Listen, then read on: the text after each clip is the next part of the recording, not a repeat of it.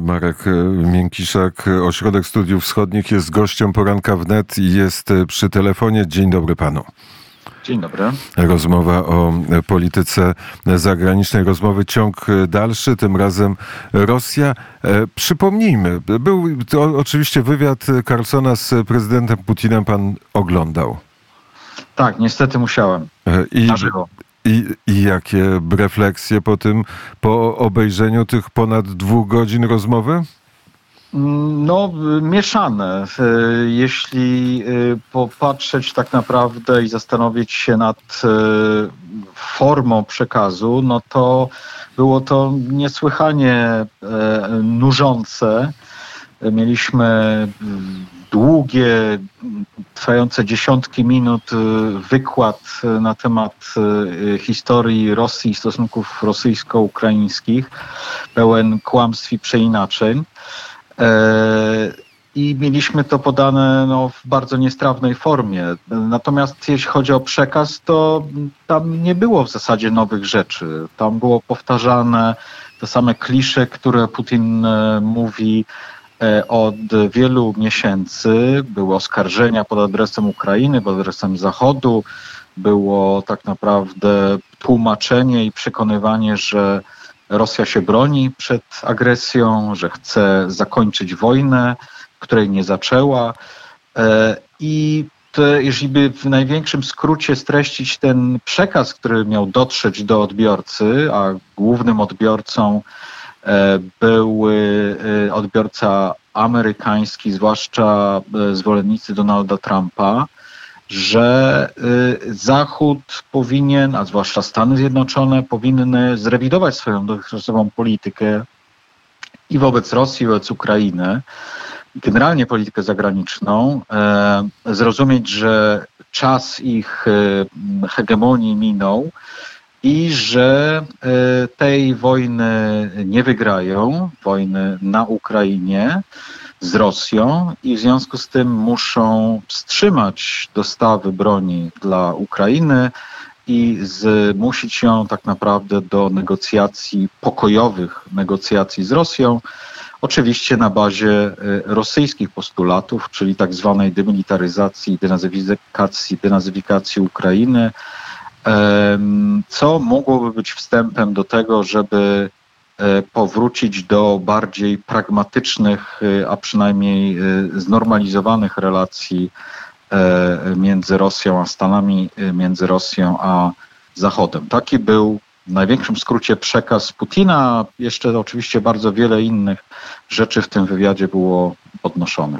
I ten negatywny obraz e, Polski, który też e, zostanie w pamięci czy kongresmenów, czy innych zwolenników e, Donalda Trumpa. Czy to przesłanie Putina będzie skuteczne, ale z punktu widzenia propagandy ten wywiad należał do Putina. To był Carlson, był tylko tym usprawiedliwieniem dotarcia, był opakowaniem, w, których, w którym przyniesiono Putina do amerykańskich komputerów.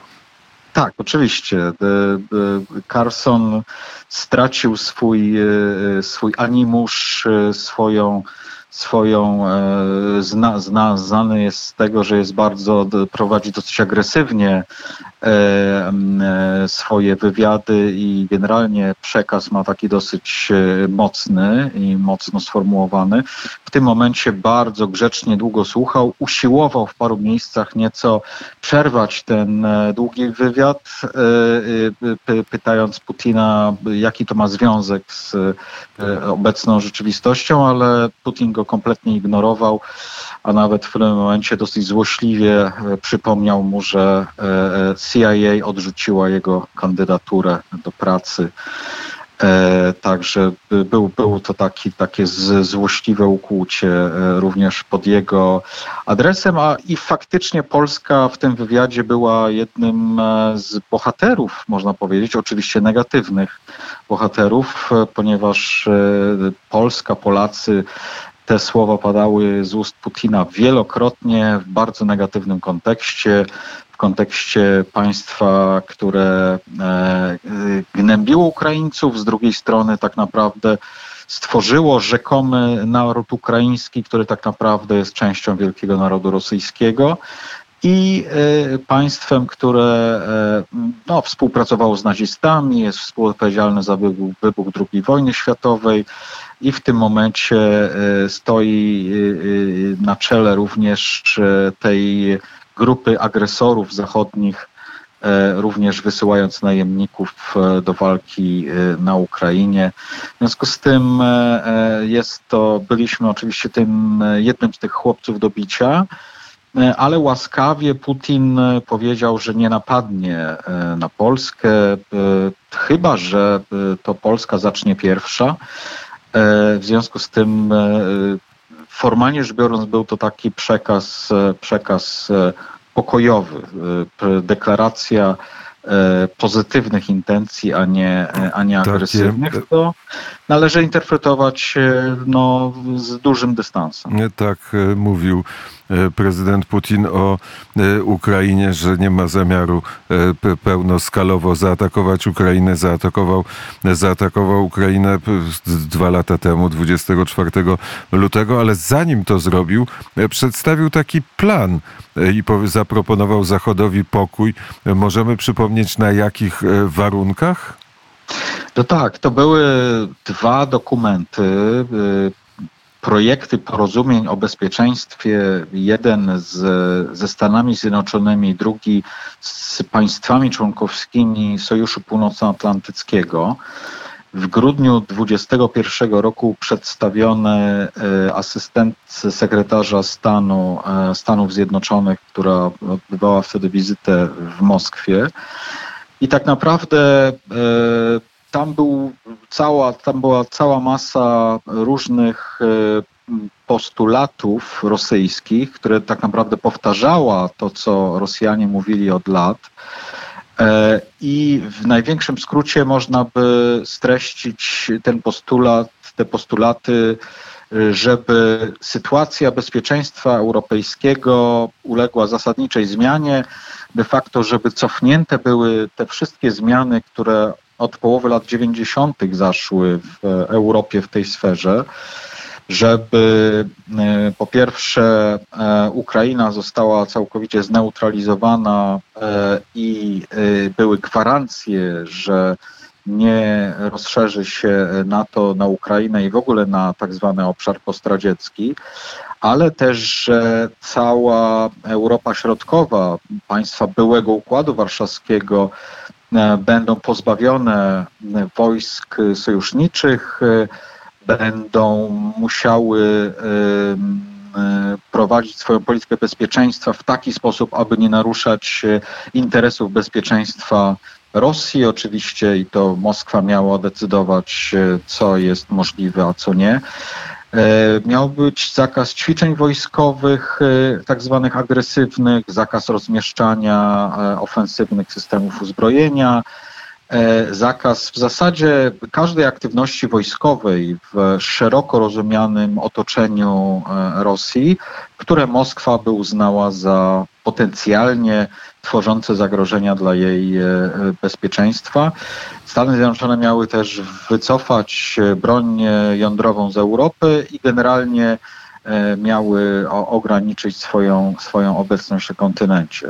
Tak naprawdę trzy e, punkty, można to wszystko streścić, czyli po pierwsze e, formalizacja kontroli strategicznej Rosji nad e, tak zwanym obszarem postradzieckim, w tym Ukrainą, która jest e, ważną, kluczową dla Rosji jego częścią.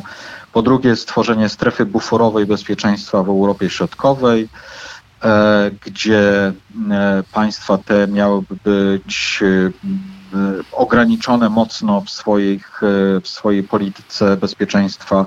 No i wreszcie w, wypchnięcie Stanów Zjednoczonych z Europy, przynajmniej jeśli chodzi o ich obecność wojskową. To tak w największym skrócie można by te warunki. E, e, I to, i to pozostało celami strategicznymi e, prezydenta Rosji. Czy odpowiedź za oceanu może być pozytywna, jeśli Donald Trump wygra wybory? To rzeczywiście cały czas leży na stole, o czym całkiem niedawno znowu zaczęła Moskwa nam przypominać i minister Ławrow i także sam Putin wspominał o tym, że przecież były te propozycje, one wówczas zostały odrzucone przez stronę zachodnią, a tak naprawdę to jest to, czym się musimy zająć, żeby mm, zapanował pokój w, w Europie. Więc tak naprawdę e, e, strona rosyjska uważa, że to jest ciągle podstawa do potencjalnej rozmowy. A czy Trump to przyjmie, czy odrzuci, no to jest wielki znak zapytania, e, ponieważ z tych skąpych wypowiedzi, które Donald Trump w trakcie kampanii obecnej toczącej się w Stanach nam mówi, jest tylko tyle, że uważa, że ta wojna powinna zostać zakończona, że on by ją e, szybko zakończył. Mówi o 24 godzinach e, i tak naprawdę do końca nie wiemy, co to ma oznaczać. No, obawiamy się, że tak naprawdę najszybciej można by tę wojnę zakończyć poddaniem się rosyjskiemu dyktatowi, bo e, w innym przypadku no nie ma możliwości, żeby y, zawrzeć kompromis wobec stanowisk rosyjskich czy i ukraińskich, one są e, radykalnie, radykalnie odmienne. Czy ma pan wrażenie, patrząc na to, co się dzieje w Awdijewce, na Ukrainie, na, front, na froncie rosyjsko-ukraińskich, na wypowiedzi Putina i na reakcję polityków zachodnich, że to Putin zaczął rozdawać karty w tej wojnie i w tej sytuacji międzynarodowej? No niestety, niestety tak to wygląda. E, Rosja przejęła inicjatywę w tym momencie, w tym konflikcie. I co jest ważne, bardzo e, zmieniły się nastroje e, w Moskwie, w, w Rosji, na Kremlu. To bardzo widać i po wypowiedziach, i po zachowaniu, postawie e, Rosjan. O ile e, jeszcze w ubiegłym roku, mniej więcej do jesieni, Rosjanie byli mocno zaniepokojeni ukraińską kontrofensywą, i zachodnim wsparciem dla, dla Ukrainy, by miały, mieli postawę defensywną. O, o tyle w tym momencie są w trybie ofensywnym.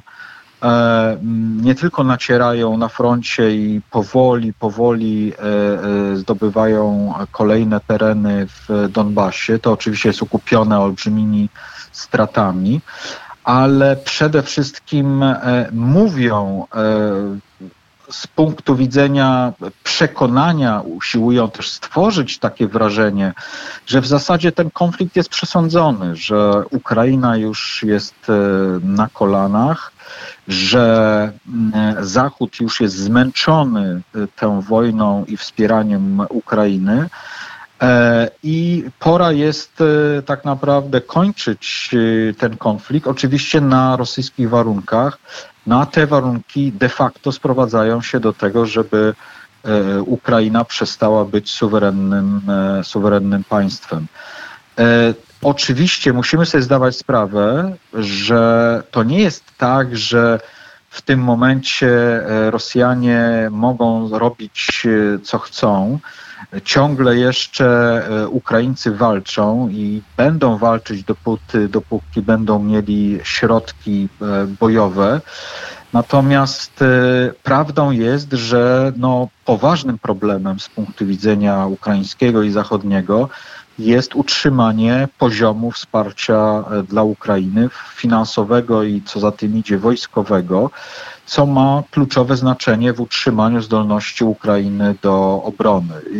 I w tym wypadku jakby Rosjanie mają rację, że ta pomoc e, zachodnia jest kluczowym czynnikiem, który y, może zadecydować o losach tej wojny. Powiedział pan Marek Miękiszak, Ośrodek Studiów Wschodnich. Jeśli pan pozwoli, to e, powiem, ciąg dalszy tej rozmowy nastąpi.